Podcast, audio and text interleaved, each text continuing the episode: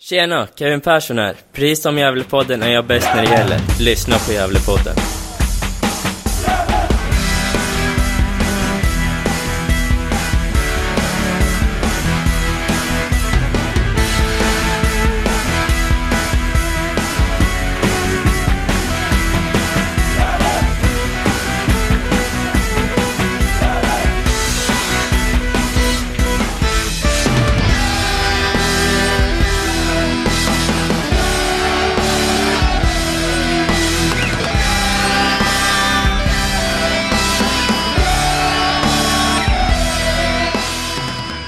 Dig varmt välkommen i Gävlepodden igen. Mikael Bengtsson. Eh, hur är läget? Ja, men det, det är bara bra faktiskt tycker jag. Eh, man får landa lite grann efter, efter säsongen och, och liksom eh, börja och, och eh, med lugn och ro liksom börja sammanfatta för sig själv lite grann. Eh, och liksom, ja som sagt landa i det lite grann. Det, det känns skönt tycker jag. Och, Eh, samtidigt så startar en annan process givetvis med, med, med laget och, och så vidare. Så att, eh, men eh, nej men det, det, är skönt, det, det, det är bra. Ja, vi pratades ju först vid där i början av februari eller om det var slutet av januari detta år. Mm. Och eh, därför tänker jag att det är bra läge nu att sammanfatta det här året som varit. Det har ju varit ett väldigt märkligt år på, på många sätt. Och mm. eh, du har ju snart varit ett år i klubben. Och eh, hur känns det då, tycker du? Om du kan sammanfatta året 2020 för dig i Gävle IF? Mm. Eh, ja, men jag tror säkert, jag kan inte komma ihåg exakt hela vårt samtal där vi startade, men jag är relativt säker på ändå att vi, vi också var inne och, och pratade om att eh, det är ganska många områden som, som man skulle behöva titta på och jobba med och så vidare. Eh, och det är väl också det som blir en, en sammanfattning av året tycker jag. att eh, det, det, det lätta någonstans är att sammanfatta det sportsliga ute på plan vad vi gjort tycker jag. Men sen är det lätt att man glömmer bort också kanske sammanfatta vad föreningen har gått igenom och vad föreningen har gjort för någonting. Jag tror också det är väldigt viktigt att sammanfatta liksom och, och, och få en förståelse att det också var liksom en, en, ett, ja, ett hårt jobb även med det tror jag liksom att man, man måste framhäva liksom och, och som sagt var även eh, sammanfatta och utvärdera och så vidare för att kunna gå vidare. Eh, men eh, om jag ska hålla mig till någon hyfsad eh, delight-version i alla fall så eh, sammanfattningsvis tycker jag att jag är eh, eh jag är väldigt nöjd med vad vi presterat eh, utifrån eh, Ehm, vad man kan ha förväntat tycker jag eh, av alla liksom delarna. Att eh, jag är ny tränare, eller egentligen kan man säga att vi är ett hyfsat nytt ledarteam egentligen kring, kring, kring herra och ehm, eh, relativt ny spelartrupp och så vidare. Och eh, utifrån det så tycker jag att, att när vi väl sammanfattar året så tycker jag att den resan vi har gjort så tycker jag att vi har tagit fotbollsmässiga steg som både lag och individer. Eh, och det tror jag också jag nämnde med, till media också liksom att nej, men det, det är självklart, jag, jag ska inte på något sätt liksom överdriva det hela, tycka att det är fantastiskt att vi hamnar sjua. Liksom. Det, det är absolut inte. Det, det är en placering som, som eh, ja, säger egentligen inte speciellt mycket när vi kommer i mitten av en tabell. Liksom. Men, men i ett perspektiv till, till vart kanske föreningen har varit och förra året och, och så vidare så är jag ändå rätt så är ganska nöjd med en placering på sjuan. Sen är jag däremot väldigt nöjd med vad vi har presterat egentligen och, och den liksom utveckling vi har fått på spelaren och på laget. Mm. Något du sa i början när vi pratades vid första gången det var att eh, svårigheten med att skapa ett spelförande lag det är att skapa en tro på det. Mm. Hur upplever du att den processen var när du kom in i laget? För det var ju ett lag som året innan var på väg att ramla ur och eh, inte hade samma spelstil och så. Hur, mm. hur svårt var det? Ja, men det där tycker jag är intressant att ta upp faktiskt. För att eh, Det är svårt för att det, det är klart att dels så ska man ju få en tro på att det här är rätt sätt för oss och rätt sätt för att vinna matcher givetvis men också rätt sätt för att utvecklas. Och, eh, och som, som du sa det så handlar det mycket om att tro på det men också handlar det extremt mycket om att ha ett mod i det där. Och för mig är det att jag tror ehm, jag tror vi var inne på lite grann vid något annat tillfälle, jag hade någon intervju att ja, men det finns en viss kritik till, till eventuellt eh, vårt döttande eller vad det kallas eh, och så vidare. Och, och jag har full förståelse för det och, och så vidare. Det, det, förstår jag för det ser inte bra ut alla gånger men jag tror också att man måste förstå i den delen att, att den balansen av att vi ska ha ett mod att göra det till att spelarna får en, en tveksamhet att ja, men nu ska vi göra det, nu ska vi inte göra det, nu, nu, nu, nu får jag skäll om jag gör det, nu, nu, nu, nu blir jag liksom uthängd om jag gör det och så vidare. Det, det, det, blir inte riktigt trovärdigt tycker jag i min, i min filosofi av att du ska ha ett mod till att spela fotboll. Um, med det sagt så, så tänker jag så här att um, det är klart att eh, jag har inte riktigt gått igenom all statistik men trots allt så är det inte extremt många mål vi släpper in. Eh, som jag säger, jag har tyvärr inte riktigt, riktigt sammanställt allt det där men ett, ett överslag som jag har sett så är det inte så extremt många bollar vi tappar så att säga i vår speluppbyggnad lågt på egen planhalva. Eh, utan det är även lite högre upp i banan och på grund av lite andra orsaker ibland också som vi, som vi gör det. Eh, till och med mer faktiskt. Så att, eh, eh men visst, vi, vi vill ju inte tappa in mål på något sätt egentligen på, på, på egna, egna misstag givetvis. Men eh, jag tror i alla fall att det är så att eh, kan, kan vi få den här modet och tron på att göra i situationer som vi verkligen vill att vi ska göra det här och sen lägga in en, en, en bra värdering i det här liksom att ja men, men, men nu har vi liksom eh, nu, nu, nu ska vi gå ifrån det lite grann. Det, det tror jag är bra, men jag tror att det blir svårt att direkt börja med att nu ska ni tro på det här, ha stort mod att spela, men ni får inte spela bollen här i straffområdet. Eh, då måste ni bort med den eller ni ska inte hitta lösningar, ni ska inte och så vidare. Då, då, ja, då, tror, då, tror jag, då kommer det ta ännu längre tid tror jag. Eh, och jag tror inte heller att vi skulle ha fått den utvecklingen på de individuella spelarna. Jag tror inte Axel Norén hade blivit såld till Allsvenskan. Jag tror inte Kevin Persson skulle ha fått eh, den högsta procenten i, i division 1. Eh, jag tror inte Calabane skulle ha bara förstått att han inte ska chansa eh, huvudlöst utan han ska liksom fortsätta strategiskt jobba med saker vi har pratat om exempelvis. Eh, jag tror inte Haran hade fått sin utveckling eh, med sitt passningsspel, med sin, sin trygghet i det liksom. Eh, sen är det detaljer i det som gör att vi måste bli bättre. Det är inget snack om saken. Men, men modet och det självförtroende och självkänslan spelarna har byggt upp under året, det är viktigt inför framtiden. Mm. Det var tight-versionen Niklas. Ja, men absolut. Vi kommer komma in på mycket mer av de spel när du säger eh, snart tänker jag. Eh, men du sa också att det kan synas tydligt i att spelarna känns bekväma i det vi ska göra. Mm. Tycker du att de känns det? Ja, men det tycker jag faktiskt verkligen att de gör. Eh, lite för bekväma ibland. eh, nej, men jag, jag, jag har tagit det. Jag sa det tror jag, väldigt tidigt tidigt med gruppen, om det till och med var, var vår första träff med, med, med gruppen jag hade, att, eh, att eh, jag ansvarar för resultatet. Jag, jag tar på mig resultatet. Ni, ni ska inte stå svars till, till någon annan utifrån det, utan gör det vi kommer överens om att göra. Eh, det andra tar jag på mig. Eh, och det tror jag eh, är viktigt för de här spelarna att ha fått veta och liksom jobba med. För jag, jag tycker just det att Eh, Eh, ja, är det någon, någon, feedback jag har fått också även utifrån eh, kollegor och sådär så, så tycker de att de är väldigt nyfiken på hur, hur har ni fått till det här, liksom de här strategierna ni har med passningar och, eh, och ja, eh, tryggheten i det och så vidare. Och, ja, alltså det är klart att det finns mycket saker att fördjupa sig där men det handlar ju extremt mycket om mod tycker jag framförallt också. Eh, och det är klart att eh, där måste mitt ledarskap vara väldigt tydligt att jag tror på er, fixa det här grabbar. Eh, ni kommer kunna göra misstaget men jag tar på mig det. Jag tar på mig det som ledare.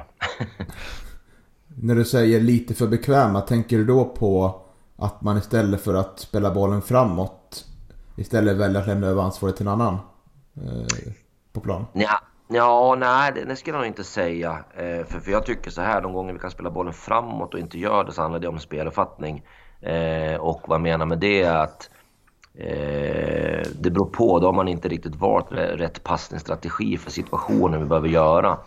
För det är så där också att, att eh, ja men en passningsstrategi är ju faktiskt att spela bollen bakåt av en anledning. Eh, det tror jag också man måste förstå att för det innebär någonting för motståndarna som vi kanske vill att de ska göra och det innebär att har vi inte möjligheten att spela bollen framåt, för vi ser att motståndarna är så etablerade, de är beredda på att falla av, de är beredda att stjäla bollen, de är beredda att döda ytor. Ja, då kanske vi måste hålla i bollen och sen kanske faktiskt spela den bakåt för att de ska börja röra på sig. Eh, det är en del, eh, men med det sagt så det är en strategi eh, kan man säga som vi har men om vi väljer den strategin när vi inte behöver göra det utan vi kan faktiskt spela bollen framåt, då ska vi göra det. Så det handlar hela tiden om att hamna i sådana situationer och ta goda beslut utifrån vilka strategier vi ska använda. Eh, så bekväm, bekvämligheten, om man säger så, det är det att eh, eh det är väl att vi, vi just har den delen av att vi, vi känner oss så bekväma att vi kan förlita oss på att vi håller bollen, vi håller bollen, vi håller bollen, vi håller bollen. Eh, och det ska vi göra stora delar men men eh, vi måste också läsa av när motståndarna börjar bli frustrerade det och faktiskt sätta in lite stötar i det helt enkelt. Mm. Och om vi ska snudda lite vid utvärderingen då av säsongen. Mm. Hur, hur går det till i, i en klubb som Gävle IF så här en vecka efter sista matchen? Vad, vad, är det, vad är det du gör med Mehmet gällande det här laget? Ja, eh, nu har Mehmet tyvärr varit sjuk. Mm. Eh, så vi har inte riktigt fysiskt kunnat satt oss ner, vilket vi ska göra till veckan eh, förhoppningsvis här som kommer. Eh, jag däremot har ju såklart börjat processen med mycket med, med spelarna och kontrakt och nyförvärv och så vidare och, fundera på det och titta på det och, och så vidare. Men nej, i övrigt så kommer det ju, det är klart att vi, vi tar ut mycket av statistiker, vi tittar på, jag tittar på en hel del matcher igen Eh, utifrån vilka matcher vi vinner, vilka vi inte gör det. Vad är, finns det något mönster i det som gör att vi, vi liksom, eh, går vi ifrån någonting det var sagt eller är det bara att vi, vi, vi saknar kunskapen i vissa delar? Eh, eller är det mentala aspekter som kan göra att vi inte kanske vinner matcher eller vinner matcher? Så att, eh, nej, men det handlar mycket om att, att hitta, hitta saker. Dels vad, vad, vad är det vi har gjort för någonting? Vad är det vi har tränat på? Vad är det vi vill få fram? Hur lyckas vi med det? Lyckas vi med det under året? Eh, lyckas vi inte med det? Varför gör vi inte det? Eh, vad träningsupplägget varit i förhållande till vårt sätt att spela av att vi måste få ut det vi vill. Eh, sen är det ju såklart att sen är nästa del som, som, som blir extremt viktigt eh, som, som ja, egentligen kan säga att det inte kanske lagt jättemycket fokus på i år. Det är väl att till nästa år, vad är det vi har gjort i år och hur gör vi det bättre för att vinna mer matcher? Mm. Alltså det vill säga, det, vi har lagt den här grunden vilket jag tycker är extremt viktigt för oss. Som, som jag sa, byggt upp en, en identitet, byggt upp ett självförtroende, byggt upp ett mod. Eh, det är extremt viktigt för då kan vi också våga gå ut och säga att vi ska vinna saker. Mm. Vi kan komma in lite på spelsätt än, men jag kommer att tänka på en sak nu. att eh, Nu när alla matcher är klara för i år. vad, vad tycker du har varit er största största utmaning gällande försvarsspelet? Vad tycker du att eh, motståndarna har, har lyckats komma åt er bäst? Mm. Nej men jag... Ja men det, jag tycker så här egentligen att... Jag, jag tycker vi har... Eh, vi har pendlat för mycket mellan att vara... Eh, att, att skydda, täcka eh, medlaget till att pressa. Eh, har, jag tycker vi har fått, eh, vi har fått lite svårigheter i det, vilket i sin tur leder just till att vi inte håller laget kompakt helt enkelt. Vi, vi, vi blir lite för stora, blir lite för glesa. Eh, vilket gör då att, att, våra motståndare egentligen hittar in i, i ytor som vi egentligen vill stänga. Men det, det skulle jag säga utifrån och, den, de delar jag sett hittills är just att vi, vi är för otydliga från att vi ska pressa till att vi ska ja, men egentligen skydda och hålla laget kompakt egentligen. Det är en del tycker jag. Eh, det andra tycker jag att vi är lite också eh, mentalt frustrerade ibland eh, kan jag tycka att vi, eh, vi har bollen, vilket vi har haft i stort sett, jag tror det är tre matcher vi inte haft bollen i innehavet. Men, eh, och det, då blir känslan när jag tittar på det, det blir en frustration av att vi inte har bollen eh, under vissa tider och, och egentligen gå bort oss i försvarsspel, att vi inte riktigt är tillräckligt bra, vilket jag tycker vi fick till i stundtals. Eh, när vi egentligen efter, ja, låt oss säga Karlslund-matchen, när vi egentligen hade en, en, en överlägsenhet. Det var mest bollinnehav den matchen över, över ett lag, men av någon anledning så fick vi inte det i andra halvlek och så började vi tappa. Och då, liksom, då var vi inte mentalt inställda på att försvara oss, eh, utan vi liksom någonstans hamnade i någon, i någon mittemellanzon av det där. Eh, och det tror jag är viktigt för oss. Det kommer vara extremt viktigt för oss nästa år att, att, att jobba med alla bitar. Mm. Jag skulle säga att eh, ett snabbt djupledsspel tycker jag har varit, varit en svaghet i defensiven. Mm. Mm, mot oss ja. Ja. Ja, ja men exakt. Och det, det blir ju egentligen det som... som eh, om, om vi håller laget kompakt och döda ytor och har boll, låter motståndaren ha bollen ja, men egentligen mer eller mindre framför hela vårt lag så kommer den bollen vara ganska svår för dem att slå och vi kommer ha tid att justera laget eh, mot, mot de bollarna. Och det är därför inte egentligen man kan säga min filosofi heller att jag vill inte slå de bollarna för att ju högre upp du kommer på nivån så är det ju väldigt svårt att, att få det med kvalitet. Eh, men så fort motståndaren börjar gå i press eller att du, du, du låter motståndarna få komma upp en, en viss bit in i ditt lag, ja men då blir du sårbar för de bollarna. Mm. Eh, och det har vi svår, haft svårt att parera. Mm. Lärdomar från säsongen då? Ja, nej, men de är, de är många skulle jag säga. Eh, dels så, så, är lärdomarna, tror jag, så här att, att, eh, att offensivt egentligen Ja, men som jag, som jag har varit var inne lite grann på, det är att, att bli ännu skickligare på att eh, läsa av vad matchen behöver. Eh, vad jag menar med det är ju att eh, ja, när vi ska hålla i bollen så ska vi göra det i rätt tillfällen. Eh, eh och läsa av när vi inte ska göra det, det vill säga mm, kanske när motståndaren endera fysiskt är trötta eller mentala trötta eller frustrerad eller vad det nu är, att, att utnyttja det på ett bättre sätt tycker jag. Eh, så det är en lärdom som vi, som vi ska lära oss. Eh, och som sagt var, även försvarsmässigt tycker jag det är också en lärdom för oss att, att, att så att säga klara av att göra våran defensiv lika bra som vi gör våran offensiv. Att vara lika liksom, mentalt inställda på det när det behövs. Det finns några matcher som jag tycker definitivt gör det Eh, vi har Frej borta exempelvis. Det är en av matcherna där vi inte också har ett bollinnehav. Men vi någonstans är redan inställd mentalt på den matchen innan att det här kommer bli jättetufft för oss att ha bollinnehav. Så här kommer vårt försvarsspel vara extremt viktigt. Vilket jag tycker vi gör en otroligt bra defensiv insats den matchen exempelvis. Eh, skulle vi ha gjort den defensiva insatsen alla matcher, eh, de gånger vi spelar defensivt under, under alla matcher, Eh, och kontra att vi, ja men okej, vi, vi fortsätter jobba med det offensiva vi gör. Ja, då hade vi varit ruggigt svårslagna. Mm. Och eh, om du ser på dig själv då, laget. Vad är du mest besviken på under säsongen? Eh, ja, jag vet inte. Besviken har jag nog ingen riktigt bra... Är det bra... domarna? Alla problem med domarna. eh, nej, men alltså jag, jag, jag tycker... Eh, Nej men besviken är väl alltid, det, det är man ju liksom någonstans över de gånger vi presterar bra och inte får poäng. Eh, det, det är ju en besvikelse tycker jag. Eh, eh, och det, det, är ju eh, lika väl som man är, är ja, eh, såklart frustrerad eller besviken över att när man, när man faktiskt eh, spelar dåligt eh, och man kanske vinner så kan jag fortfarande vara frustrerad. Eh, nej, men jag, jag hänger upp extremt mycket på hur vår prestation är. Eh, och utifrån det så tycker jag att man... man eh, eh, för jag tror i långa loppet så kommer prestationen avgöra om, om, om du vinner matcher eller inte.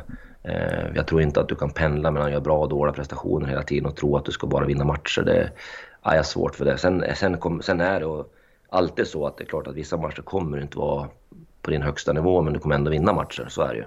Det är bara att ta Vasalund tycker jag. Jag har sett dem ganska mycket i år. Och det finns vissa matcher jag funderar på hur kan de leda serien? Eh, men de vinner de matcherna på grund av att de, de, de, de gör rätt saker i de matcherna.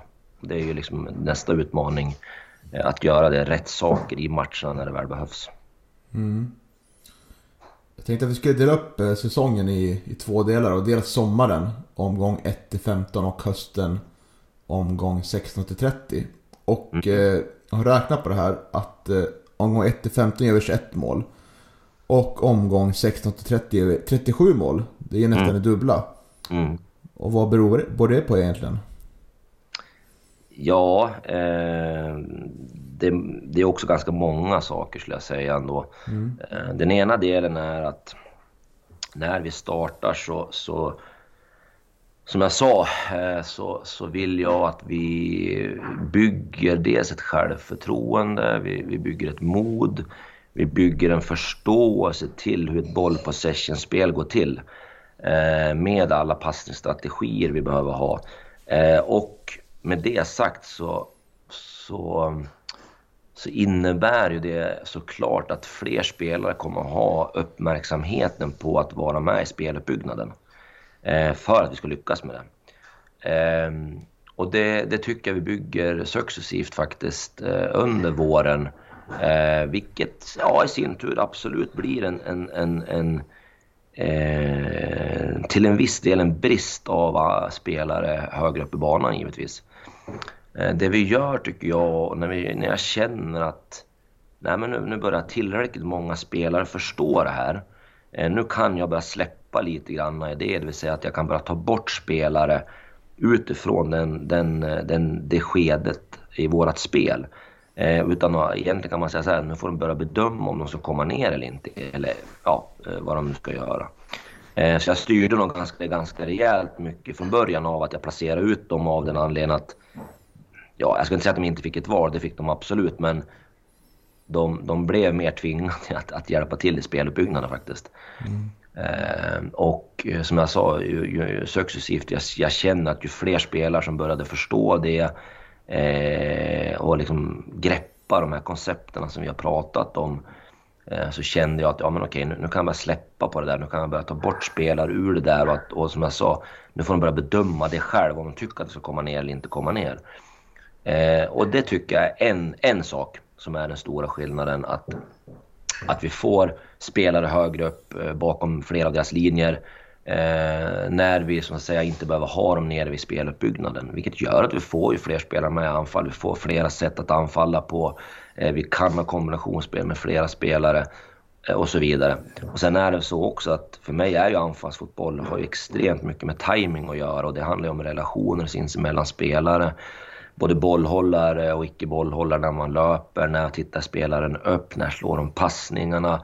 Eh, man lär sig vart man, ofta spelarna befinner sig på plan så man kan spela på ett och två tillslag mycket snabbare. Man, man liksom har ett kombinationsspel för att man vet vart man har varandra. Så det har ju också med, mycket med det att göra också. Då. Eh, så att... Eh, ja, det, det, är väl egentligen två saker jag vill, jag vill nämna egentligen. Mm. Och eh, i mitten av säsongen såldes ju Axel Norén, mittback. Mm. Och du valde att plocka in eh, Ira Nera Grau, mittfältare. Hur, hur gick tankarna där att inte ta in en, en mittback som ersättare till, till Axel? Eh, nej men vi hade ju... Eh, vi hade ju... Dels hade ju både... Eller ja, jag hade ju också spelat lite mittfält då också. Eh, där vi hade egentligen Ejeblad... Eh, ja, Ejeblad, Norén och Kevin ganska många matcher också då på, på, på, från början. Eh, sen när Norén då eh, såldes så, så kände jag att vi... Eh, eh ja men dels har vi Jaja eh, som, som vi kan flytta ner eh, till, en, till att vara mitt, mittback och jag kände nog också om vi skulle gått från en treback till en fyrback att eh, Jaja kanske skulle ha med, med sitt offensiva spel rätt vände banan bli lite bättre och betydelsefull det. Men med det sagt så tyckte jag också att Nisse Eriksson hade gjort, ja men egentligen var ju på väg tillbaka då. Eh, och eh, han eh, visar, jag vet, jag vet hans nivå och han, han visade det och jag tyckte att okej, okay, men han, han blir som ett, nästan ett nyförvärv för oss under, under, den, under den tiden. Eh, vilket han gör, spelar mot Nyköping där, hoppar in direkt eh, och har varit borta egentligen länge som jag blir matchens lirare. Eh, fortsätter ju att spela, börjar mot Sandviken borta, jag gör ju också, börjar ju tycker jag riktigt, riktigt bra. Men tyvärr så har han skada från egentligen när han kom tills egentligen nu när han opereras var det det som har varit problemet för honom. Eh, och det är väl klart att där får vi göra en utvärdering varför vi inte gjort det tidigare egentligen. Eh, så att... Eh, eh nej men så gick nog tankarna och då tänkte jag i och med att Jaja då i, i det här fallet eh, går ner från mittfältet så, så kan vi titta eventuellt på att förstärka där helt enkelt. Eh, vilket också det dök upp då med EU här. Eh, en, en, en möjlighet. Eh, och vi hade sett den lite förra året och, och, så vidare och hört mycket gott om så jag tänkte att eh, ja, men det, det blir en förstärkning för vårt lag. Så att, eh, och det tycker jag väl att det har blivit rätt beslut till. Mm. Och när jag kollar på, om man jämför sommaren mot hösten så är det ju, det skiljer ju 16 mål men rent resultatmässigt så är det bara en vinst mer än, än sommaren. Vilket mm. man på förhand inte trodde, trodde att det var en otroligt eh, eh, mycket bättre höst än vad det var sommaren. Mm. Men, Ja, men det, ja. också, det var en speciell, var en speciell eh, så att säga, för jag tror vi spelade var det 10 eller 11 matcher va? sen var det uppehåll. Mm. Eh, och jag tror det är väl där som är lätt att man liksom någonstans skiljer åt vår och höst nästan. Att, ja, man spelar 10 matcher, sen är det ett avbräck och då är det ungefär vårsäsongen, sen är det höstsäsongen. Men det är ju klart som du säger, börjar man titta från 15 första matcherna och 15 sista matcherna så, så tror jag väl att, som du säger, inte skiljer allt för mycket.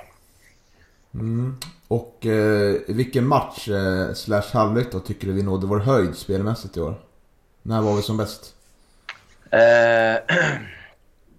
ja, det, det, det, är klart att eh, om, om jag ska ta en hel halvlek, om jag ska liksom sätta 45 minuter eh, över, över, över liksom den totala, då, då skulle jag nog säga Sylvia hemma faktiskt.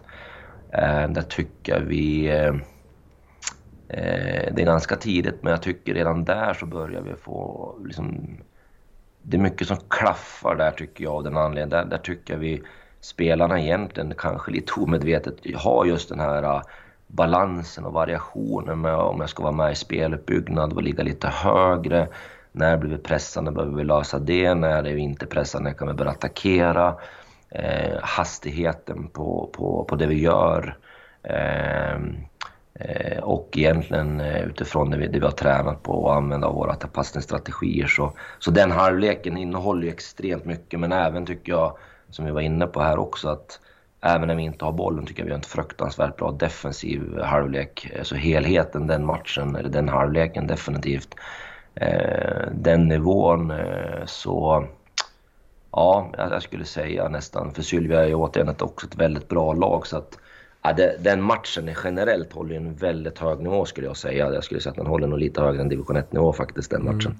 Mm. Otroligt högt eh, bolltempo i den matchen, kommer jag ihåg. Ja, men precis. Men som jag sa, det, det blir ju det också att Sylvia bjuder ju upp till det också tycker jag. Eh, och det är väl det här som, som jag också hoppas eh, man kan se just att eh, ibland kan man säga så här, ja men det går lite sakta och, det, det, och, och så vidare. Men det har ju också med att motståndaren inte vill bjuda upp. Mm. Faktiskt. Eh, och jag tänker så, jag tänker lite längre än att bara spela division 1. Utan jag tänker att man, kommer man högre upp så kommer det gå fortare. Eh, naturligt. Eh, naturligt kommer det göra det. Och jag är egentligen inte orolig för hastigheten i det. Eh, jag tror att vi kommer kunna klara av det. Eh, så att, eh, men, men tillbaka till det, Sylvia tycker jag absolut är en halvlek, första definitivt, eh, som, som innehåller eh, många, många delar som jag tycker vi gör väldigt bra. Det är en väldigt hög nivå på den halvleken. Mm, håller med. Och om vi går in på spelsätt eller spelfilosofi, vad vi vill kalla det. Mm. Så är det ju en skillnad tycker jag och många andra att efter hemmaderbyt mot Sandviken så börjar ni spela mer med fyra backar. Och det blir mm. ett slags 4-5-1 eller 4-2-3-1, hur man nu vill kalla det. Mm. Och eh, det tycker jag på något sätt har varit intressant att följa dig och Mehmet i arbetet med här laget då. Att det har, man har vågat förändra, förändra saker i, i spel. Siffrorna liksom, man vill kalla det. Man har mm. behållit principen, man har vågat förändra saker. Som när Sandlund går ner och hämtar boll djupt mm. en match. Och hur mm. gick eh, era tankar kring, kring att börja spela med fyra backar? Vad vill ni mm. uppnå för någonting? Mm. Nej, men det var egentligen så här att vi... Eh, eh, vi mötte ju Täby eh, bland annat, där vi åker på en jättehög press. Där vi tycker att vi har positioner som borde lösa, men gör inte det. Eh, bland annat då. Eh, sen har vi en match som... som eh, det är precis innan vi ska möta Sollentuna hemma. Eh, nu tappar jag faktiskt bort vilken match det var måste jag säga, men det var... Eh, kan det vara Berga borta? Kan det vara det? Ja, jag ska, det ska vara osagt. Jag ska vara lite oförsiktig med det. Men eh, vi, möter, vi möter Sollentuna eh, hemma och vi tittar på ungefär eh, vad, vad, vad tror vi att vi behöver göra den här matchen. Eh, och i det så, så kände och växte det nog fram ganska mycket att eh, vi, vi, vi tror att de skulle komma dels med en ganska hög press och hur de pressade skulle också gynna att vi hade spelare bakom deras linjer. Vilket gjorde att vi egentligen tog en spelare från, ja, eh, nerifrån om man säger och flyttade lite högre upp i banan.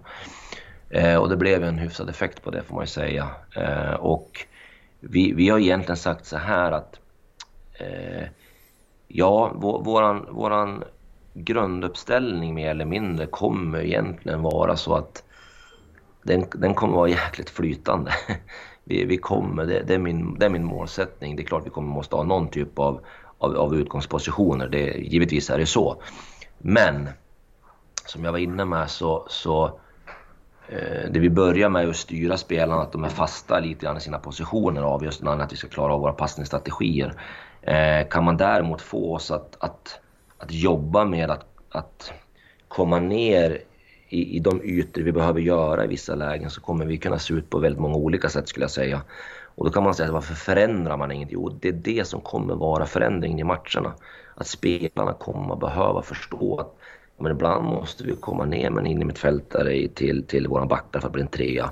Ibland så räcker det att ligga med en centralt mellan deras forward. Ibland så måste det vara två.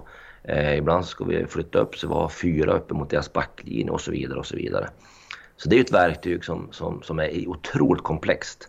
Men, men eh, om, om vi då börjar förstå lite koncepter och, och, och våra återanpassningsprinciper och så vidare så kommer det förmodligen falla ut med tid, eh, att man börjar förstå det. Eh, och det tycker jag, som ett exempel bara, så ser vi tycker jag ganska mycket sådana tendenser eh, mot Thorengruppen borta bland annat. Eh, där tycker jag att vi, vi är otroligt flexibla i vårt system.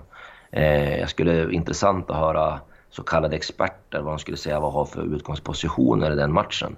För där skulle de nog kunna hitta en tre, fyra stycken skulle jag säga faktiskt helt ärligt.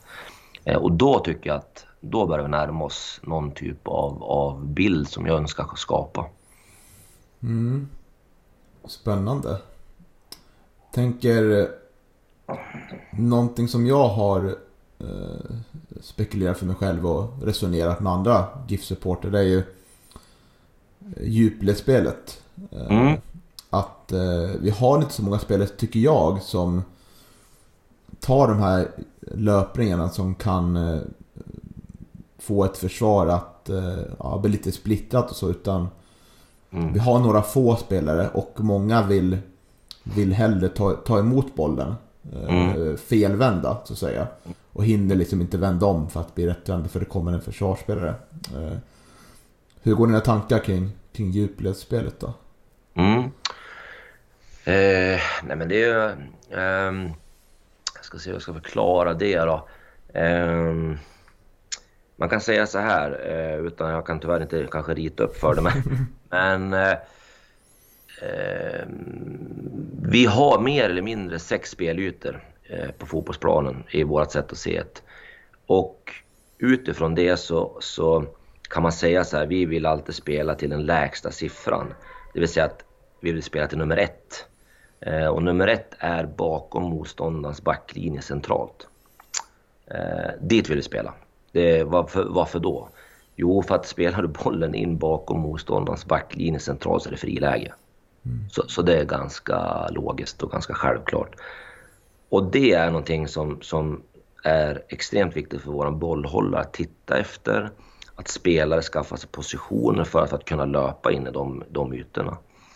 Men ju högre upp man kommer i serier, ju, ju på högre nivåer du spelar, så blir backarna så pass skickliga så de kan börja sätta ihop saker och ting där så att ja, men nu ser jag att bollhållaren inte kan slå den så jag behöver inte följa med i löpning. Som ett exempel. Och det lär jag även ut som verktyg för våra forwards. När kan du löpa? När ska du löpa? Ja, det är klart jag, man kan ha som strategi att ja men löp fast inte de kan slå bollen för då kommer motståndaren dra sig isär.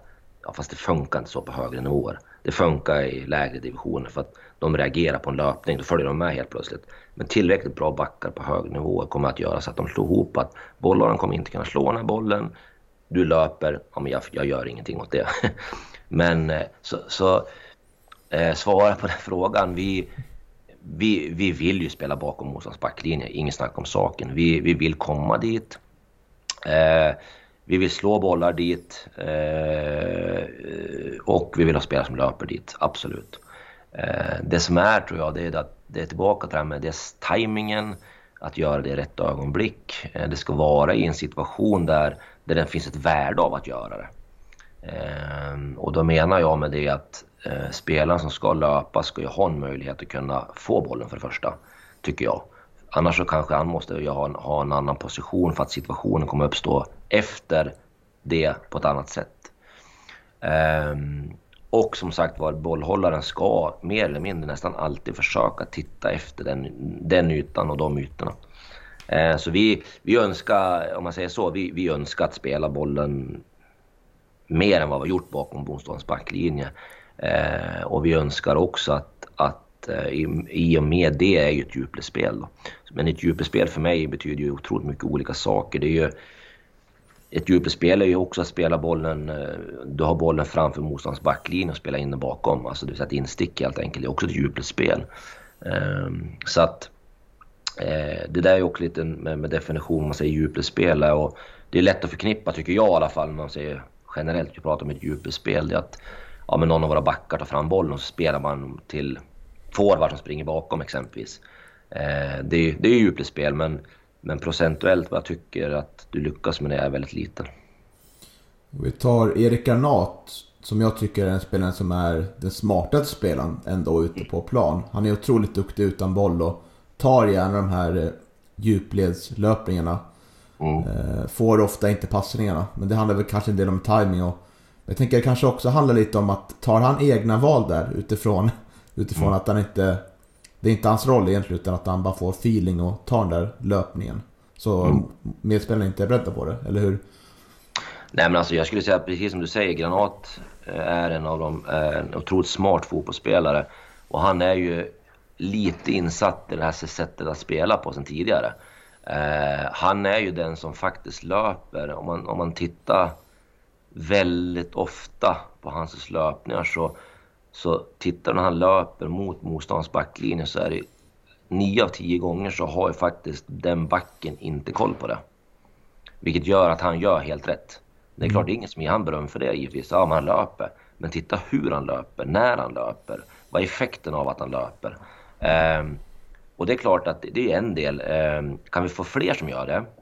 Uh, kan vi få fler bollhållare som tidigare, tidigare skeder får den typen av samverkan med de spelarna?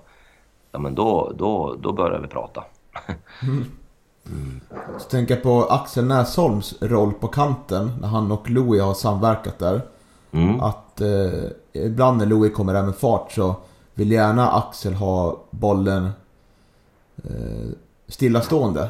Mm. Eh, där har, har jag andra resonerat Ja, är det inte bättre om han liksom tar en löpning framåt där? Eh, så man kommer snabbare fram i banan. Eller är det... För där har, vi spekulerat i, ja, är det för att hans roll ska vara den som den är nu? Eller är det för att han som spelare hellre vill ha, ha bollen där han mm. får den? Om du förstår? Ja, jag tror det. Eh, och om, om jag börjar med ungefär hur tänker du vart bollen, eller bollen är på väg till Axel tänker du, eller bollen är hos Axel eller? Ja, att han visar sig liksom där på kanten att jag vill ha bollen och eh, Albin kommer mm. med eh, någorlunda mm. fart där och eh, tänker jag vill ha hjälp att komma förbi och komma fram på mm. kanten. Men mm. får oftast spela bollen till Axel och Axel får spela bollen tillbaka till en mittback Precis. eller mittfältare. Absolut, och det, då har du en passningsstrategi som jag använder oss av varför de gör så då. Och det är att spela upp tillbaka igenom. Det vill säga att man spelar upp på en, en högsta punkten som gör att motståndaren måste ändra ta ett beslut av att om jag skyddar ytan bakom mig, vilket då den spelaren kan vända och börja hota sista linjen. Alternativet är att den backen eller försvararen börjar, ja men du jag måste upp och pressa här och det innebär ju att kan vi då, då har vi fått en yta, kan vi då spela tillbaka och sen igenom eller över då så har ju nästa spelare fått bollen helt enkelt, i det här fallet då Albin. Så att man kan säga så här att tillbaka igen till speluppfattning och vilka strategier vi använder, om det blir rätt strategier eller inte. Eh, och det är det att, Ehm, eh, ja vi, vi tar det som ett exempel just Axel, att om han har bollen eh, eller han har en position eh, mellan motståndarnas backlinje och mittfält egentligen, vilket han oftast har. Då, eh, så är det så att eh, hans position till förhållande, det vill säga hur nära han mittfältet och hur nära han backlinjen. Det kommer att avgöra egentligen om man kommer kunna vända upp eller inte kunna vända upp. Och det kommer också avgöra vilken spelare som kommer att dra till sig hans uppmärksamhet. Kommer en mittfältare bli pressande eller kommer en back bli pressande? Så det är också en, en, också en väldigt avgörande faktor. Men om vi leker med tanken att, att skulle det se bra ut, om vi leker med att vi, det vi önskar i det läget, eh, så finns det ju två scenarion. Det ena är att man spelar igenom motståndarens mittfält. Backen går egentligen inte upp i press för att de tycker att avståndet är för långt eller att ytan bakom blir för farlig. Ja men vänd upp och hota linjen så kommer det vara fler spelare som kommer att hota helt enkelt och, och kunna jobba med instick, ändra in centralt eller att vi använder Loe som kommer på en överlapp egentligen. Eh, alternativ två är att man spelar upp till Axel Näs som där eventuellt deras mittback eller ytterback blir så frestad av att faktiskt gå upp och pressa för att inte han ska få vända upp. Så innebär att han måste snabbt spela tillbaka till en rättvänd och att då i det här fallet Loe oftast använder den ytan som då uppstår som, som Axel har skapat. Mm. Ja, bra pedagogisk förklaring. Mm, jag hoppas det. Ja. Men det är, väl, det är väl lite så. Mm. Eh, och det där är ju, ja, det, det är återigen tillbaka till en av, av strategierna och vi har ganska många strategier. Det är som en handbolls... handbolls det är då. Nej men det, det, är många strategier och det som är det är att eh, att dels förstå strategierna. Varför gör vi dem? Vad betyder det för motståndaren? Men sen är det ju också, när använder vi vad? Mm det är det. Det är det. Det, det är som jag tror jag nämnt också. Det, ja, det, det, fotboll för mig är fruktansvärt komplext. Alltså det, är, det är så många parametrar du kan jobba med och, och eh, situationer och beslut och, och, allt vad det är för någonting. Och, eh, ja, jag, jag hoppas aldrig att jag blir klar. Det kommer jag aldrig bli. Ja, precis. Och eh, något mer komplext, då tänker jag mittbackarna och deras offensiva eh, ansvar om man vill kalla det så. Mm. Eh, jag tycker att det är otroligt befriande att se Calabane när han antingen slår den här långa bollen som han är väldigt duktig på. Mm. Men också gör de här eh, riderna framåt där han liksom avancerar med jättelånga steg och han mm. tappar ju typ alla bollen där liksom. Han är så stark och så. han, är, han är bra på motlägg ibland kan man säga. Ja. är det en del av, av liksom eh, att en strategi att kunna penetrera motståndarnas uppställa försvar? Eller är det något av Calabanes egna initiativ när han får feeling där? Det, det, det är lite både och skulle jag säga. Eh, det är ju dels en egenskap som man har som spelare. Eh, jag skulle väl inte säga att jag tycker att det, det jag, jag tror inte att det är helt naturligt för Kevin Persson att göra det exempelvis. Nej. Eh, men däremot så har vi ju som, som målsättning, det är ju det att tillbaka till det här med speluppbyggnaden, att förr så, eller förr, tidigt så valde vi att med spelares positioner se till att lösa nästan alla situationer.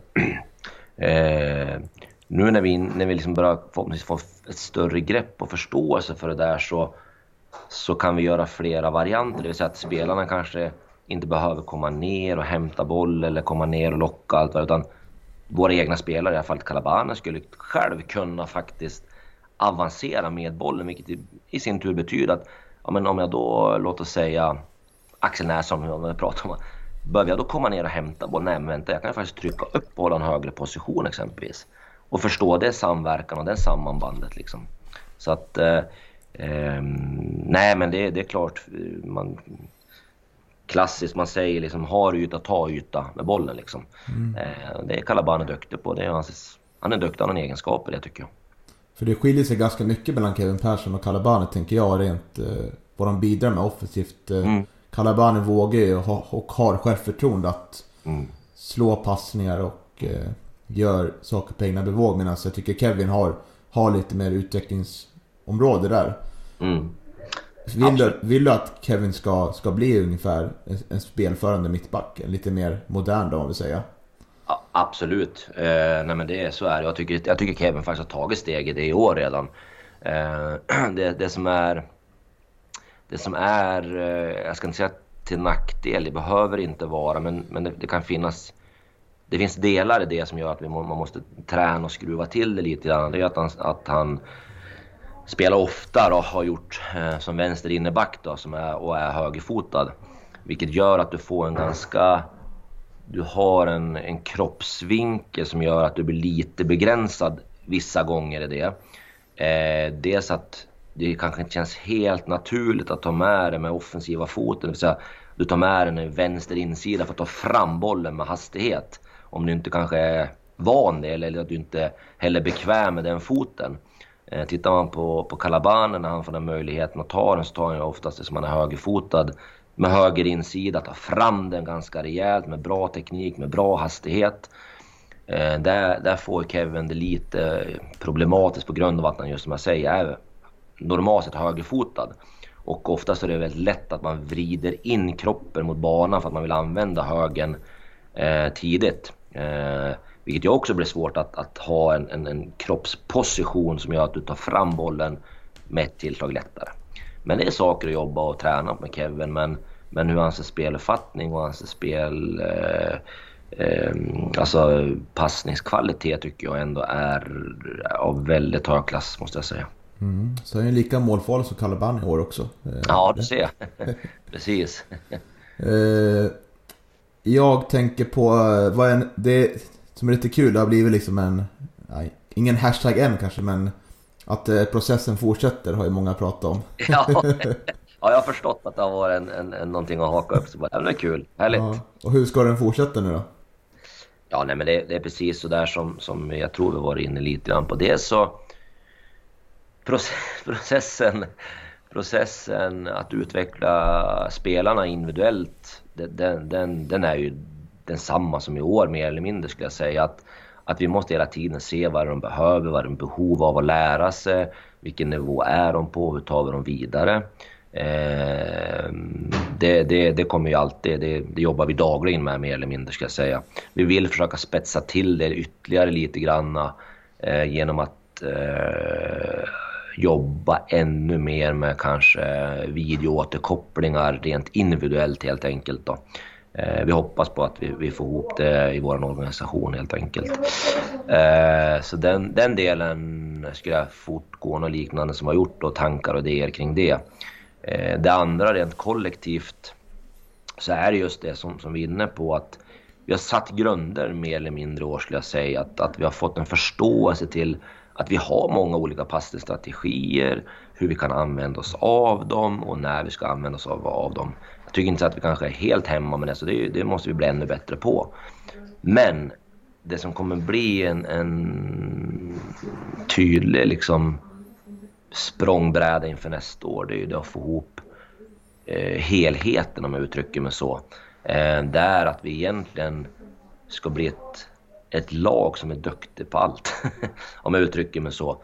Eh, vi kommer fortfarande, som jag sagt, att vi, vi, vi bygger vår identitet på det vi börjar på givetvis, såklart. Det, så är det.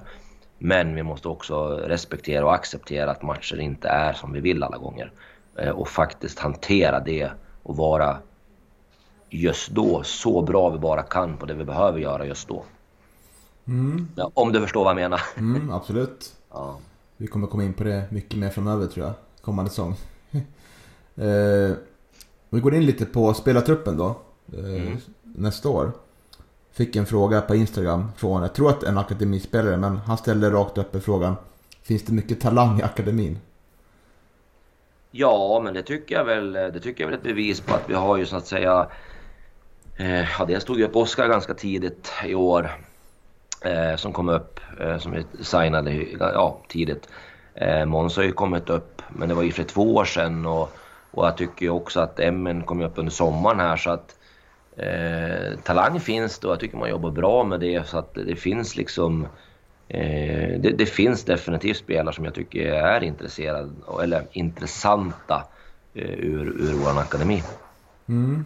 Och eh, det är många kontrakt som går ut i vår kära klubb. Eh, och eh, då pratade med GD häromdagen, Gefle Dagblad, att eh, man, för, man för dialog med många men man kanske inte har liksom ambition att behålla alla om jag tolkar det rätt. Mm. Men om du skulle ge någon procentsiffra, är det så här 60-40 behålla eller är det 70-30? Vad, vad skulle du säga? Ja, Jag kan väl säga så här, jag, jag önskar behålla ganska många. Mm. så skulle jag säga. Nej men det är klart att jag menar vi... vi eh, ja varför då? Jo men jag, dels, så, dels så vet jag att det är just att det år som har varit har spelarna fått lära sig väldigt, väldigt mycket. Eh, och det, är ju, det, det, vill jag ha med mig in i nästa år givetvis. Det är ju otroligt viktigt ifall vi ska nu då ta processen vidare. Så är det ju mm. extremt viktigt. Så att... Eh, nej men jag önskar behålla väldigt många av, av, av de som är utgående. Eh, och, och dock såklart kanske inte alla, men, men väldigt många i alla fall. Mm. Och spelartyper då? Vilka spelartyper tycker du behövs? Ja, nej men det är ju det. Det är ju... Om man tänker sig som så att vi, vi, vi liksom någonstans kan behålla ja, det, det, vi önskar och så vidare så, så handlar ju det mest om att, få in lite mera spetsegenskaper om jag uttrycker mig så. Eh, nu, nu, nu förhåller vi oss extremt mycket på vårt kollektiva spel, alltså, det vill säga vårt passningsspel eh, och så vidare. Eh, det jag önskar är ju dels att, dels att eh, rent försvarsmässigt kanske få någon som, som eh, vad ska man kalla, har eh, liksom, ja men någon typ av general som kan styra laget på banan exempelvis. Den egenskapen skulle jag vilja ha in i laget. Eh, jag skulle också vilja ha in egenskapen av att eh, spelare såklart ska, ska förstå våra principer kollektivt men också ha individuella skills eh, som, som, som gör att vi, vi kan återigen gå ifrån om när vi måste, att vårt kollektiva spel inte funkat där vi rent individuellt kan avgöra matcher. Mm, spännande. Eh, vi funderat lite på eh, högerbackspositionen där. Att det inte mm. finns någon rent naturlig där utan Förvisso Jakob Ejeblad kan man hävda är högerback men både Nisse och Sutsu som har spelat där är ju mer mittfältare. Finns det mm. en tanke att få in en mer renodlad högerback? Mm. Eh, nej men absolut. Eh, man kan säga det att Ejeblad är ju den som är kanske mer defensivt lagd om man uttrycker sig så av, av de tre. Eh, Nisse Ciuci är ju i grund och botten offensiva spelare och jag, jag tycker inte det är fel att att ha den egenskapen av att vi spelar med, har, har spelat med vingar så att säga. För det, det är ju en, det är klart att du behöver ha en viss defensiv egenskap givetvis men du ska ändå ha en ganska offensiv lagd balans i, i det tycker jag som, som vingspelare. Så det tycker jag är eh, inte helt fel utifrån det om jag ska vara ärlig. Eh, sen är det såklart att börjar man gå ner och spela med en, en eh, normalt om man säger höger och vänsterbackar så så det är klart att där, där bör nog balansen vridas över lite mer. Att, att du har en, en, en, fortfarande en ganska bra offensiva delar men ja, såklart att du har även goda defensiva egenskaper. Mm. Och om vi ser på truppbygget överlag så kan jag tycka att, eh, att det kanske är lite för mycket mittfältare och eh, för lite försvarare tänker jag. För att vi har otroligt många alternativ på innermittfältet. Vi har Sandlund, Harden, eh, Ranera, Granat, Karabane, Oskar Karlsson är ny där också. Det finns otroligt mycket att välja på. Eh, Medan om man ser till wing-positionerna finns det inte lika mycket eh, att välja på. Kommer det... Delar du min syn? Mm. främst. ja, nej, men absolut det gör jag. Eh, och det man kan säga där det är ju klart att Ehm, det finns ju klart att det, det med, med eh, den, den budget Gävle IF har så är det helt omöjligt att få in, låt oss säga två spelare på varje position. Det, det, det kommer inte gå. Eh, utan där någonstans måste vi värdera och välja någonstans där. Vart, vart tycker vi att vi bör vara fler spelare liksom, eh, eh, med olika egenskaper helt enkelt. Eh, och det vill säga, precis som du säger, nu är det ju extremt många inne i mitt fältare med, med Kalabane, Sandlund, Granat, Haronen, Oss, alltså, Men alla de har olika egenskaper tycker jag, vilket jag tycker också man har, jag har kunnat använt och, och värderat beroende på lite matcher. Eh, ibland har Granat varit nere där, ibland har Io varit där, Nio har varit högre upp ibland. Eh, Harn har spelat ibland, ibland inte. Det har ju mycket med deras egenskaper att vrida och vänta. För att den centrala linjen för oss är ju extremt viktig. Eh, med de egenskaper. Och där, där tycker jag att vi har haft den mixen på att de har haft olika egenskaper egentligen. Vilket ja, har gjort att det har varit kanske... Eller det är ju många spelare i den, i den positionen. Så det är klart, visst, vrida och vända lite kanske man måste göra i det såklart. Givetvis, det går kanske inte att ha 6-7 spelare på två positioner. Det, det är ju lite, det är lite mycket. Eh, men med det sagt så tror jag det är väldigt svårt för oss att få in så att säga två spelare på varje position. Det, det, det kommer inte gå. Det, det, den så att säga budgeten har vi inte. Och eh, Ranera fick ju spela lite mer på vänster här på mm. slutet. Mm. Eh, var det en tanke att han ska skolas in lite där eller testa sådär? Eh, nej, men det, det, är också lite grann utifrån hans egenskap. Då. Är, det, är det någonting som, som, som EU gör och det, det, jag tror att eh, jag hade kunnat vara också för att försöka förändra honom en hel del som spelare. Men dels var det för kort tid tycker jag plus att jag vet inte hur mycket jag kan förändra honom i det. Men han vandrar ju extremt mycket över fotbollsplan. Han springer nästan mest. Inte snabbast men mest. Eh, och det behöver inte vara till fördel tycker jag, utan det innebär också att du tappar positioner med ditt lag. Eh, så jag säger inte att det är en fördel. Så att, men som jag sa, det är för lite tid för att kanske jobba med att han ska börja förstå det. Eh, utan då tänker jag så här att om jag har han i en, i en, position där jag känner att det inte är lika viktigt att laget uppfyller position så att säga. Då kan han få vandra lite grann som, som han har gjort egentligen. Då är det okej. Okay. Eh, men om, det, om jag anser att vi måste ha två innermittfältare i liksom att verkligen sitta centralt eh, för att det kommer vi behöva vissa matcher, då, då, då, då, får det, då blir det svårt att ha han där på grund av att han inte kommer hålla sin position. Mm. Ehm, men med det sagt så är det ju fortfarande en, till en stor fördel att han gör det eh, vissa gånger. Att han, att han faktiskt gör det. Ehm, men då är det också upp till det som jag var inne på här att kan vi få fler spelare, till och med alla till slut, att förstå att om någon börjar röra sig från en position ska jag ta den positionen för att laget behöver ha det och så vidare. Så blir vi extremt flexibla. Men när vi inte riktigt är där och, och spelare rör sig så, så blir det ju... Eh, ja, då, då, då, får man titta. Jag gjorde det i alla fall. Tittar man lite grann. Vart är vi inte helt beroende av att vi har spelare fast i position så att säga. Mm målvaktsfrågan. Tim har ju kontrakt ett år till. Mm. Och jag tror William också har kontrakt va? Ja, båda två har kontrakt. Ja.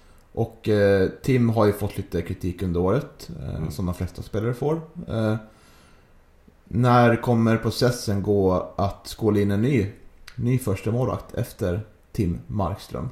Mm. Och är, är, är William redo att ta det ansvaret tycker du? Ja, men jag tycker William eh, har vuxit. Trots att han inte har spelat speciellt mycket i år eh, så har han vuxit som fotbollsspelare tycker jag.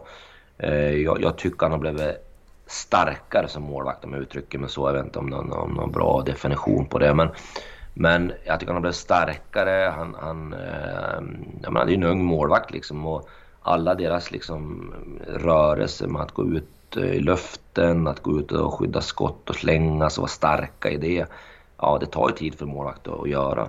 Sen tycker jag ju att eh, William, eh, vilket jag givetvis gillar, eh, har ju otroligt fina passningsfötter.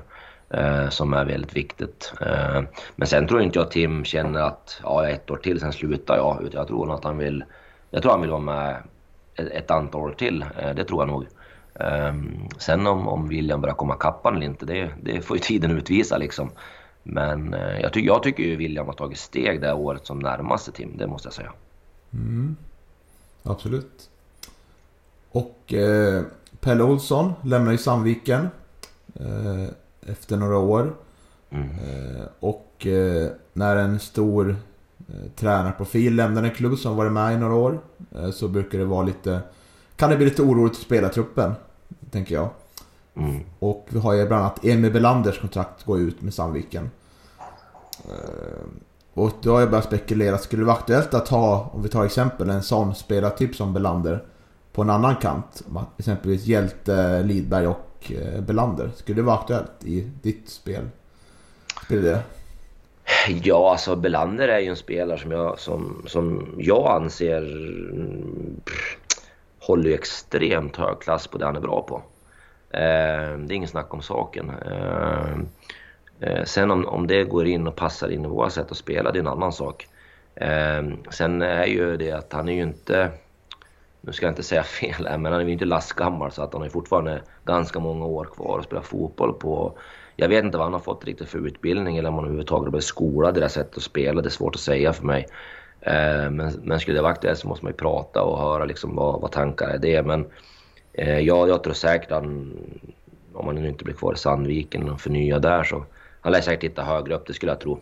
Men eh, absolut, en, det, är en, det, är en, det är en otroligt bra fotbollsspelare utifrån det han är bra på.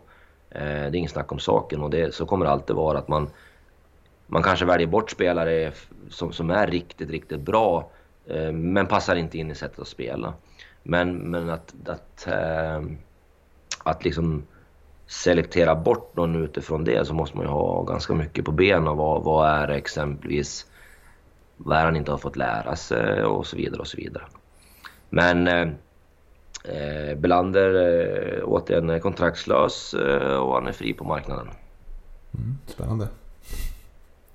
Eh, Ibrahim Al-Hassan då, har inte fått så mycket speltid i år och har ett ett år kvar. Två år. Två år kvar till och med? Ja. ja. Vad tycker du man kan säga om Ibras möjligheter till att få lite mer speltid? Ja du. Mm. Eh, bra fråga. Nej men jag... jag mm. ja, det, det, är klart att jag tycker att Ibra har en, en, en tuff situation, ingen snack om saken. Och de kontrakterade ju upp honom förra året på hösten eh, 2019 och så skrev de ju 20, 2020, 2021, 2022. Eh, och ja, eh, vad ska jag säga om det? Jag vet inte. Eh, han har svårt att ta en plats hos oss. Eh, det sättet jag tänker på, det sätt jag spelar på. Eh, det finns ju fragment i hans liksom, sätt eh, och så vidare. Men eh, ja, han har, han har haft svårt att ta plats. Eh, vi, vi, vi har ju liksom ett, ett jättejobb där och ett, ett uppdrag liksom att, att försöka utveckla honom helt enkelt. Så enkelt är det ju. Eh, men eh, ja, han har ju två år till. Om jag försöker tolka ditt svar lite, är det, kan det bli aktuellt med ett bryteskontrakt eller en utlåning under kommande säsong? Snarare än att vara ja. kvar i A-truppen? Ja, det, det, är väl inte, det får vi se då. Eh, jag tror inte heller, men jag tror inte han bara bryter ett kontrakt hur lätt som helst heller. Han har ju sin, sin, sin inkomst, han är ju ändå här så att... Eh, vi får väl se vad som händer. Vad som, vad som blir bäst för Ibra. Ja, om vi ska gå in på eh, lite mer framöver då. Eh, mm. Nej, just det. Det glömde det viktigaste kanske. Eh, vi har ju en del spelare som ja, eventuellt kan få bud på sig och vara på väg bort från klubben. Och mm. eh, Gävle IF under ja, den allsvenska eran senast då var, hade ju ett eh, ja, en filosofi eller vad man vill kalla det att eh, vill spelaren lämna så, så kommer vi låta den spelaren lämna mot en, en skälig summa. Mm. Och eh, hur tänker du om vi tar Isak Lidberg då som, som är väl eh, ja, exempel som går att applicera det på främst. Mm. Eh, hur mycket är det spelarens vilja kontra pengar som, som, som avgör vad, om man släpper Isak? Ja, precis. Nej, men alltså det, jag, jag tycker det, det, det, är någon typ av kombination i det där givetvis tycker jag. Eh, dels så, så tycker jag att Eh, men, men, jag känner ju att min, min ledarfilosofi är ju någonstans humanistisk. Det vill säga att jag, jag bryr mig om människan givetvis skulle en person må jäkligt dåligt och känna att man, man, man, man liksom mår psykiskt dåligt nästan till och med. Alltså då, då blir det ju inte bra någonstans liksom. Eh, då, då, måste man ju titta på vad, är, vad, vad kan vi göra? Vad är, för, vad är lösningarna då liksom? Eh, så, så, det är ju en, en viktig parameter givet tycker jag. Men med det sagt så det är klart att eh, en spelare som som eh, betyder väldigt mycket för laget eh, vill man ju inte släppa. Eh, det är klart att där vill man hitta lösningar som gör att eh, man bygger vidare på saker och ting. Eh, sen är det ju sådär, jag tror jag sa det vid eh, något tillfälle när Axel Norén såldes också, att Eh, det är klart att det, det, för mig är det ju någonstans ändå jäkligt viktigt att eh, spelare utvecklas. Och när de gör det så kommer det betyda att vårt lag blir bättre. Det, så är det ju.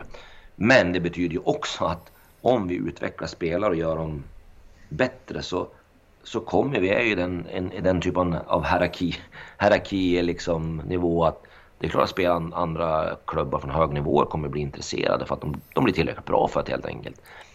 Eh, vilket är ju någonstans tycker jag, ja men absolut lika viktigt för mig som ibland nästan att vinna en match, att jag ser att en spelare blir bättre. Eh, det är extremt viktigt. Eh, och det betyder ju någonstans också att det är ju en business det här. Eh, köper vi en, en, gammal bil och så renoverar upp den så, så vill vi ha... Dels vill vi ha pengar för arbetet, vi vill ha ett marknadsvärde för, för vad, vad faktiskt bilen är värd just nu. Eh, men också att vi kanske kan köpa en, en ny eh, sprayflaska eh, och kan köpa in en ny bil att renovera. Mm. ja, men om du förstår mig rätt. Mm. Så eh, med det sagt så, så, absolut så måste ju vi titta över vad betyder att sälja en spelare exempelvis? Vad betyder det för, för laget? Vad betyder det för klubben? Eh, vad, vad, eventuellt eh, vad har vi för plan vid en försäljning och så vidare. Så det, det finns ju eh, det finns ju massa bedömningar där tycker jag men eh, det är klart att har vi gjort ett tillräckligt bra jobb med en spelare och blir tillräckligt bra och vi kan sälja den för, för, för pengar som betyder att vi kan bli bättre som lag, vi kan bli bättre som, som förening. Ja, självklart. Gör ni skillnad på var budet kommer ifrån? Jag tänker om det är en seriekonkurrent eller om det är utomlands eller om det är i ja, Superettan, Allsvenskan. Mm. Nja, alltså det är klart att eh, min fråga skulle ställa sig ganska snabbt då. Om det skulle vara en seriekonkurrens så skulle man ju börja fråga spelaren vad vill du gå dit? Tycker du att det skulle vara bättre där? Eh, jag skulle ha väldigt svårt att spelaren säger ja då faktiskt. Mm. Men eh, eh, nej, jag har väl egentligen inte lagt någon större vikt i det om jag ska vara ärlig liksom, och tänkt så. Det har jag inte gjort. Men jag tänker så här, jag menar, gör vi spelarna tillräckligt bra så ska det ju vara från högre som man säger, divisioner som ska, borde vara aktuellt. Mm. Bra. Eh, femårsplanen tycker jag är intressant att prata om. Att vi ska vara tillbaka i eliten senast 2025, både herr och damlag. Mm. Och eh, Andreas Dahlén i styrelsen tar mer ansvar för damerna nu, om jag tolkar rätt. Mm. Han har ju haft en del ansvar för, för herrarna där med kontraktsförnyelse och nyförvärv. Ja, förra året, ja precis. Ja. ja, precis. Kommer du få någon mer eh, någon, någon, någon, mer hjälp där, tänker jag. För att du uttryckte i en intervju i ett dagblad innan du skrev på det här nya kontraktet att, du, att det krävs mer resurser för att kunna nå eliten. Har det mm. blivit mm. någon, kommer det bli någon praktisk förändring där? Mm. Ja, jag har ju, jag har ju haft eh, eh, sportligt ansvar för, för mer eller mindre hela föreningen kan man säga. Eh, men absolut fått hjälp av andra i det. Men, men inför det här året som kommer nu och nytt är att jag kommer bara ha hand om A-laget här. Okej. Okay. Mm. Så det kommer att täckas upp med andra, med andra personer ja, på de andra? Ja, precis. precis. Så det är inga större nyheter? Personer som kommer in? Nej, det kommer inte utan jobbet, eller rollen eller vad man ska kalla det, fördelas väl om mer eller mindre. Eh, där eh, jag lägger egentligen mer, eller jag lägger fullt fokus på herr A. Mm. Spännande. Går det att, vet du, vi är lite nyfikna på ja, nya kontraktet där. Vad pratar du om mer, mer resurser liksom? Mm. Vad kan det betyda i praktiken? Kan det betyda att det, man får mer tid med någon extern aktör inom idrottsdelar där med fysio eller vad det nu kan vara? Eller mm. betyder det att det kommer in någon utifrån? Eller betyder det att man kan skriva längre kontrakt eller något? Kan du, kan du nämna något vad det skulle kunna innebära? Mm. Eh, ja, nej, men man kan säga så här. Vi, vi, eh, vi vill ju förbättra verksamheten. Vi vill ju göra saker bättre. Eh, och det, det, är ju som ett exempel så... Eh, eh, ja, men dels så tänker jag för själva laget eh, så innebär ju det att hur kan vi få en bättre, bättre möjlighet till nästa år exempelvis. Eh, vad skulle det betyda för någonting? Ja, för mig betyder det att våran, våran ledarstab blir starkare helt enkelt. Det, det, det är ett nästan. Eh, där vi kan jobba ännu mer. Eh, jag säger inte att vi, att vi jobbar lite i år, absolut inte. Jag skulle säga att jag jobbar ganska mycket. Men, men eh, det handlar inte om att, att, att, ta bort arbetsuppgifter utan det handlar om att fler kommer in eller att fler tar ansvar för andra eh, saker som gör att vi kan ha en större kvalitet på det vi håller på med. Så det tycker jag är viktigt, för det som jag sa så för mig börjar det där, om man tar bara laget nu, så börjar det där hur utbildar vi spelarna? Hur gör vi dem bättre? Eh, sen kan man säga så här, ja men vi kan ju värva in spelare, vi behöver inte hålla på och tänka någonting av att utbilda, eller vi behöver ju bara värva in. Ja men då är det en annan process eh, som, som måste funka till, till fullo. Du ska ha ett extremt bra utbyggt scoutingverksamhet och du vet exakt vad du värvar in. Eh, du vet precis vad du får eh, och så vidare och så vidare och så vidare. Eh, men jag tror ju mycket på att absolut en kombination av det, men framförallt att jobba varje dag med spelarna, att utveckla. Det är ju någonting som jag också brinner för givetvis. Att, att göra det. Eh, men för att göra det så vill vi ju göra det så bra vi bara kan. Vi vill ju liksom hålla en så hög nivå och att det ska också någonstans trycka ut signaler att skriver jag på för Gävle IF så får jag inte jag det fetaste kontraktet. Men jag garanterar kommer jag bli en bättre fotbollsspelare. Det tror jag liksom betyder jäkligt mycket. Så ni kommer få mer tid i ledarteamet under kommande säsong? Ja. ja, precis. Vad kommer det innebära för, för Mehmet då i praktiken? Kommer han vara kvar i U-laget där? Ja, jag tror svårt. Jag ska nog inte säga att jag är hundra inblandad i det faktiskt. Eh, däremot har jag, han, han kommer ju med, vara med mer med A-laget här. Så kan mm. vi säga. Eh, och, och, och så vidare. Så att, eh, vilket gör att vi i, det fallet stärker ju teamet helt enkelt kring A. Vilka skulle du säga ingår i teamet? Det är du, Mehmet och... Eh... Jag, Mehmet, eh, Mange och så är det William som målvaktstränare och så Sassa är ju... Ja, jag får säga att han är manager nästan. Han, han, han, han, han, han håller på med allting. ja, just det. Ja, ja. Nej, men han, han eh, tycker jag är ju också med.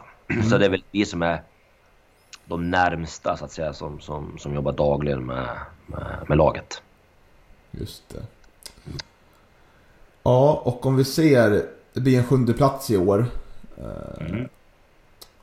Är det Öppen fråga nu. Är det realistiskt att sikta på uppflyttning nästa år? Om man får behålla nyckelspelarna och får in rätt eh, nyförvärv? Eh, ja, egentligen tycker inte jag att det är jag som ska svara bara. Ja, det är klart vi, ja, så säger jag. Utan det är någon kombination tycker jag som vi måste sättas tillsammans med, med gruppen liksom tycker jag för det första. Men eh, jag, jag tänker så här då, om, om jag bara går till min egen bild i det hela. Det är ju det att det är klart, kan, kan vi få behålla de spelare vi vill behålla eh, utifrån vad vi har gjort i år så betyder det fruktansvärt mycket.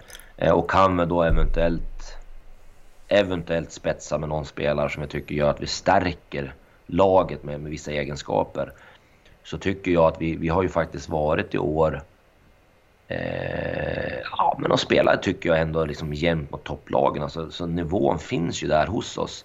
Eh, dock så är det ju det att samtidigt så har vi mött vissa bottenlag och, och även den nivån har ju funnits. Så att det, det, är klart att den måste vi ju liksom någonstans... Det måste vi få till helt enkelt. Så enkelt är det ju. Men som sagt vad kan vi, kan, kan vi få behålla många av de spelare vi har och som sagt kanske spetsa med någon spelare. Så, och, och med min målsättning att vi ska bli bättre eh, rent, rent individuellt så, så ja, vår högsta nivå är hög. Så kan man säga. mm, absolut. Och eh, gick ifrån ett 2019 där man kom på 13 plats tror jag och till sjunde nu så eh, har ni målat upp så här inre inre delmål att... Sex, sex, sex placeringar bättre Niklas då? Ja, precis. Då det blir tvåa nästa år då eller? Ja, Nej, ja precis. Ja. Enkel matematik. Nej men jag tänker att eh, jobbar ni lite så att eh, ja, tillbaka senare 2025 att man måste ta givna steg varje år? Eh. Ja, nej men då tillbaka om man tjatar där men alltså för mig, för mig handlar det ju om verkligen att ha en process. Alltså, alltså vi, vi kan inte gör, liksom stanna på samma nivå som vi är på. För mig är det, då, då gör vi inte ett jobb. Alltså, eh, sen... Ja, lite tråkigt svar förmodar jag du kommer tycka att det är va, men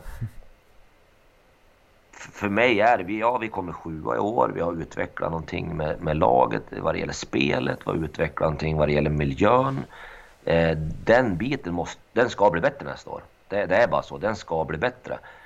Ja, kan vi ta lika stora steg som vi gjorde i år? Kan vi, kan vi eh, få till vissa saker?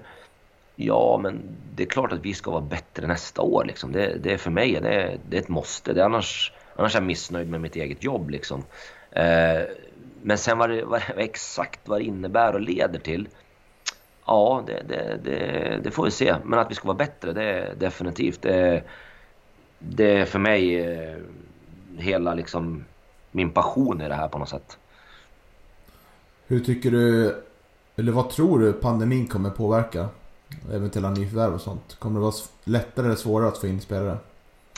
Ja, det, det är en jäkla bra fråga alltså. Eh, eh, Ehm, det är klart att, att det finns säkert en oro spelare som kanske, in, kanske inte vill flytta och sådana här saker givetvis. Det, det, det kan ju vara en, en, en oro givetvis då. Eh, sen tror jag också att det kan finnas, det är klart att, att eh, ja, ekonomin kommer ju någonstans såra alla liksom. Det är ju så. Eh, det spelar ju ingen roll. Det, Eh, det är lätt att säga att vi kanske har en dålig ekonomi men det, den kommer såra alla. Den kommer såra klubben, den kommer såra spelarnas lön. Alltså på något sätt så liksom. Men eh, det är tyvärr liksom, det, det är ju det är, det är den bittra verkligheten vi har just nu. Va? Men, eh, men det är därför jag säger som jag gör, att jag, jag vill hellre att löningen om jag uttrycker mig så, löningen eh, och den stora belöningen det är att man kommer till en miljö och är en miljö som gör att jag kommer bli en bättre fotbollsspelare. För, för blir, blir jag det, tänker jag i alla fall, blir jag det som fotbollsspelare så kommer jag spela på en hög nivå. Det är i alla fall goda förutsättningar gör det i alla fall åtminstone. Det tror jag. Mm. Kommande säsong då? Eh, Allsvenska klubbar har ju uttryckt en, ja, en vilja då, i alla fall några klubbar att starta säsongen lite senare. I maj där. Mm. Eh, hur har dialogen gått bland ettan fotboll om att mm. senare lägga serien? Mm. Jo då, men vi, vi har fått någon, någon del att vi försöker försöka och, och ge någon feedback på eh, vad vi tycker och känner. Eh, om vi skulle starta tidigare eller ungefär lika, lika eller senare då egentligen. Eh, så jag vet inte vad utfallet kommer att bli på det men, men ja, det, där är, det där är ju verkligen ja, ehm, äpple eller päron tänkte jag säga. För att, jag menar, börjar vi tidigare så innebär ju det att ja, risker med ingen publik såklart givetvis. Eh, börjar vi senare så innebär det att vi måste komprim komprimera ihop serien som Unge kanske har gjort i år. Eh, vilket, ja, jag vet inte om, om, om det eh, gynnar oss jättemycket i och med att vi, vi har ju troligtvis inte den största truppen i serien så att säga. Eh, så att, men kanske det är större chans att få publik då givetvis. Så att ja, eh, jag är, lite, jag är faktiskt lite delad i den, den, eh, den frågan. Mm. När tror du att ett beslut kan komma? Oh, jag, jag vet faktiskt inte men, men det är klart att det, det bör samtidigt också sättas ett beslut kan jag tänka mig åtminstone ganska tidigt. Eh, på grund av att, ja men, dels det här med träningsmatcher bland annat, det är ju jättesvårt nu. Det är nästan ingen som, som vill boka upp träningsmatcher eh, på grund av att man vet inte vad som händer. När ska man sätta igång nästa år? Eh, får vi sätta igång nästa år? När ska serierna starta? Alltså det, det är ju ja, det är väldigt många frågetecken, så är det ju faktiskt. Mm. Tänk att vi ska avsluta komma in lite på scouting. Som vi, mm. du har pratat lite om. Mm. Det pratade vi också om en del om i första intervjun. Mm. Att du vill utveckla det arbetet. Hur tycker du mm. att det har utvecklats under året? Mm. Eh, ja, jag ska nog vara helt ärlig. Inte speciellt mycket faktiskt. Eh, det har varit, och det är väl också som sagt en, en, en resursfråga helt enkelt. Eh, där eh, jag skulle säga att vi, vi är nog på samma ruta som, som vi var när vi började egentligen. Eh, och det är väl klart att där får man väl också vara lite, eh, vad ska man säga, eh, ja, acceptabelt av att vi är den lilla organisationen vi är på något sätt just nu. Eh, av just den anledningen att vi måste prioritera egentligen tror jag vad vi, vad vi ska ta steg i. Eh, och det som jag sa, kan, kan vi bygga först och främst en miljö där vi känner att vi vet att vi utvecklar våra spelare så vet vi att vi också kan ta in spelare som, som vi vet ja, men ungefär vad de har för nivå, där vi känner till spelarna helt enkelt. Eh, vilket gör att vi, vi vet att vi kommer göra dem bättre. Eh, det, det, är prio ett tänker jag. Eh, prio två är ju att såklart göra ett, ett, ett, eh, ja, men ett nät eller ett, en utbyggnad av en scoutingverksamhet eh, givetvis. Eh, så nu, nu handlar det mycket, mm, skulle jag säga, om kontakter och, och liksom sådana saker. Eh, det kommer det alltid göra givetvis men samtidigt, det jag vet, i och med att jag har jobbat ett år med så är det enormt tidskrävande om du ska få ihop det. Eh, att, att titta på flera, flera hundratals spelare, eh, göra rapporter, eh, göra så att säga för nackdelar, träffa personer som kan vara intressanta eh, det, det, är ju en enorm process, så är det. Även där. Så att... Eh,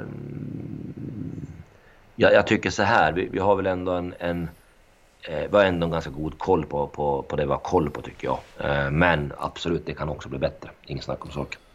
Skulle du säga att det först är realistiskt att när klubben är tillbaka i Superettan, att eh, börja utveckla någon slags eh, scoutingverksamhet på egen, i, mm. egen regi? Jag, jag, skulle, jag skulle nog säga det faktiskt. Jag skulle säga för att jag tror att du behöver ha in eh, detsamma där, handlar med resurser givetvis. Eh, och eh, i det här fallet resurser är ju fysiska människor egentligen. Eh, så, så, det tror jag man måste ha in, annars är det svårt att få ihop. Eh, I alla fall om man ska ha en, en, en, en eh, ja, att uttrycka att ha en bra sån verksamhet. Sen, ja men visst, vi har en, vi har en scoutingverksamhet. men kan man ju diskutera hur, hur utbyggd den är och liksom exakt hur, hur bra den är, det är en annan sak. Men, men eh, tittar man på de stora ja, föreningarna i, här så har de ju, de, dels har de scoutingchefer och, och de har, i det så har de sina staber.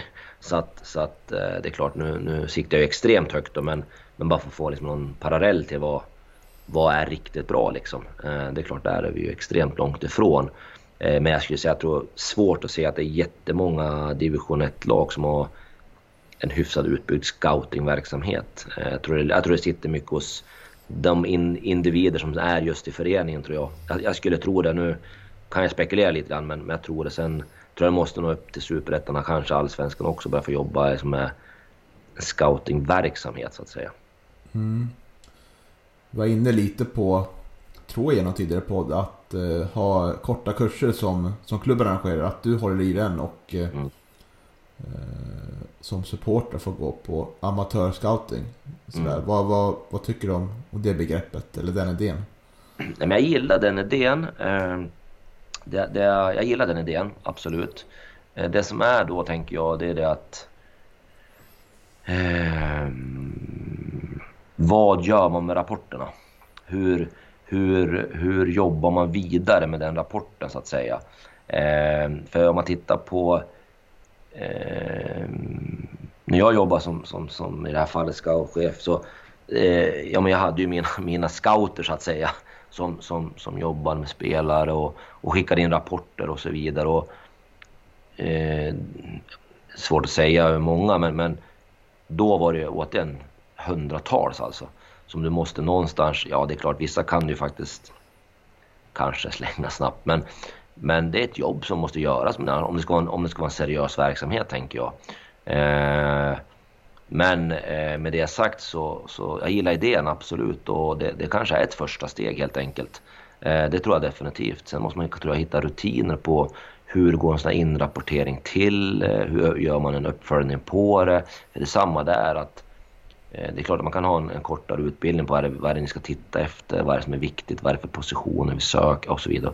Men sen tror jag man måste också ge en feedback till de som gör att ja men nu fick jag en spelare här, hur tänkte du det här liksom? Det här var ju inte alls som vi, som, som ja och så vidare. Så att, men, ja, men idén gillar jag och jag, jag tror att eh, jag tror att det kan vara ett bra första steg om man ska vara ärlig. Hur många timmar skulle du säga att det behövs för att ta in en spelare som du inte har koll på? Hur många timmar behöver du se den eller mycket, lägga ner sig där?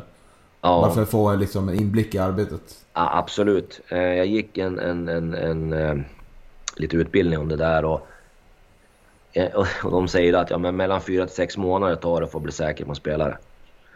Och vad jag menar med det, det är ju att eller vad, vad det konceptet säger egentligen är ju just det att dels så måste du se en spelare över tid. Det är saker, du vet ju inte egentligen om att ja, men vi scoutar en spelare en match. Ja, du kan få indikationer på att han är bra eller att det finns någonting hos honom. Men det kan också vara så här precis att, att hans farbror dog dagen, dagen innan. Ja, men han, han är inte alls i sitt rätta jag. Alltså det är, han är inte det. Och så avskriver en sån spelare direkt för att han kanske beter sig dåligt. Eh, bara som ett Eller eh, du, man ser två matcher exempelvis. Man ser två matcher med en spelare. Man kan se att det finns ja, men lite skills exempelvis.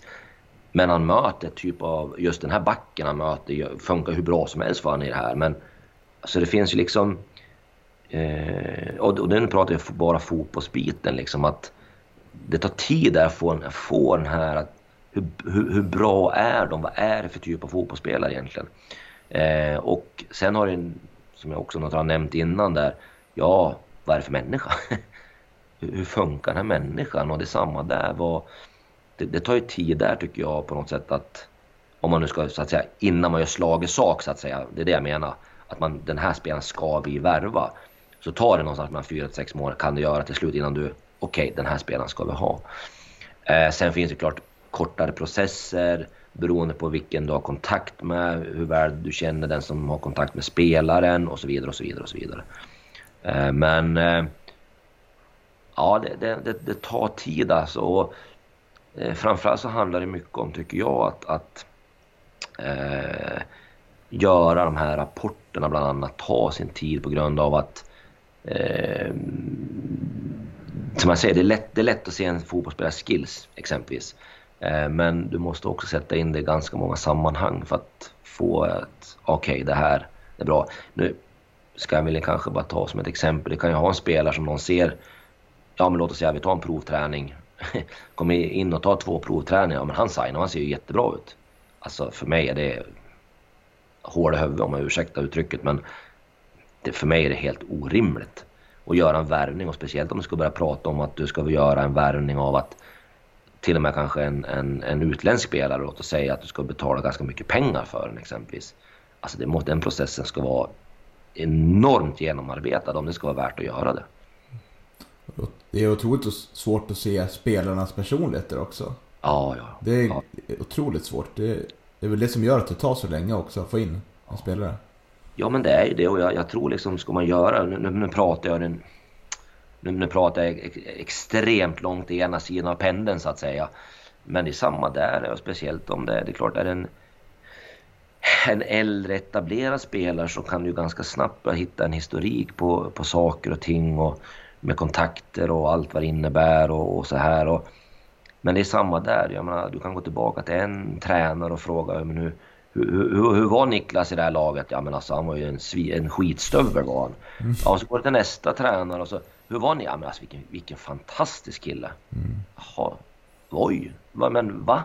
Hur kan det skilja på de två? Mm. Ja, dels tränaren kanske har helt olika åsikter om hur en spelare ska vara. Eh, men deras personligheter, deras sätt att spela på. Ja, det, mm. det, det fort, alltså, ja, så att... Eh, eh, ja, det, det, är, det är lite att göra med sånt där. Ja, verkligen. Och eh, rent geografiskt då? Är det viktigt tycker du var, var spelarna... Eller är det viktigare att ta de bästa spelarna i närområdet kontra ja, exempelvis en bra spelare i Skåne? Lägger du in det någonstans? Det Nej, alltså, jag, ja, alltså jag tycker någonstans att... Det där, det, jag tycker det är en svår fråga på grund av att det som är viktigt är att få in bra spelare. Eh, sen finns det ju ett värde, det är inget snack om saken. Jag vet, så, så, så pratade vi också uppe i Sundsvall när, vi, när man gick ifrån liksom den norrländska laget så att säga till, till eh, det blev ett, ett spanskt lag så att säga mer eller mindre. Eh, så, så man resonerar, man, man spelar ingen roll var spelaren kommer från, bara man vinner matcher liksom. Ja, det, det, finns en sanning i det. Det är klart att det gör det. Men det finns också ett värde, tycker jag personligen, att har en spelare, då, återigen, lyft upp en spelare från egen akademi så blir det ett marknadsvärde för det. Eh, det betyder någonting för de som faktiskt är supportrar runt om. Man kanske känner Hanses farbror eller pappa eller, man, eller vad det nu är för någonting. Du, du kan bygga en annan, ett en annat klubbhjärta på något sätt, tycker jag personligen. Eh, men det sagt så måste fortfarande spelarna vara tillräckligt bra för att spela givetvis. Men jag tycker det finns ändå ett värde av att, att knyta an någonstans närliggande på det sättet för att det betyder någonting för våra supportrar och de som jobbar runt om i, i, i runt om liksom närområdet helt enkelt, tror jag. Mm. Okej, okay, jag tänkte att vi ska börja avrunda nu. Otroligt ja. eh, trevlig intervju och eh, du ska gå och äta lunch snart eh, med din ja, familj så det är alltid det är trevligt. Men eh, det är ju, ni går på träning igen i januari om jag fattar rätt? Ja, jajamensan. jajamensan. Blir det någon julklapp till alla Gävle supportrar innan julafton tror du? Ja, eh, jag hoppas det. jag hoppas det. Eh, nej men det är klart att det är ju många dagar här nu som... som eh, eh ja men det, det, det, kommer ju vara mycket jobb här nu givetvis ett antal dagar. Eh, jag tänkte vara ledig idag faktiskt. Eh, dock kan jag inte kalla det här. Det här var så här uh, mysledig tänkte jag säga. Att man, man ägnar lite tid åt jobben men lite tid åt familjen. Men, men uh, nej men det är klart att det kommer vara, det, det kommer vara många dagar här nu som, som telefonen kommer få, få göra sitt bästa jag. Mm. eh, såklart. Eh, Eh, nej, men jag tror också att det är viktigt att vi, vi eh, börjar sända signaler på vart vi vill någonstans. Kanske under nästa vecka? Får vi någon nyhet då? Ja, jag, jag, jag hoppas och önskar det givetvis. Jag hoppas och önskar det. Det, det är lite otäckt att det inte kanske ligger ens i egna händer helt och hållet såklart. Mm. Utan man, man får avvakta helt enkelt. Det är liksom besluten och, och det ligger liksom inte på, på, på mig i vissa fall helt enkelt. Så att det är bara att hoppas och, önska att man att de själva känner att det är så starkt att de tackar ja tidigt. Mm. Sista frågan då. Överlever Gävlebocken eh, nyår? Absolut, det, det, tror jag. Eh, det är väl ingen som vågar ge sig ut nu. Nej, Sant. Ja, men tusen tack för att du tog dig tid, Mikael Bengtsson. Och eh, ja. god jul och gott nytt år. Ja, men tack detsamma. Tack så hemskt mycket. Tack så mycket. Ha det bra. Ha det bra. Tja, hejdå. Ja, hej hej.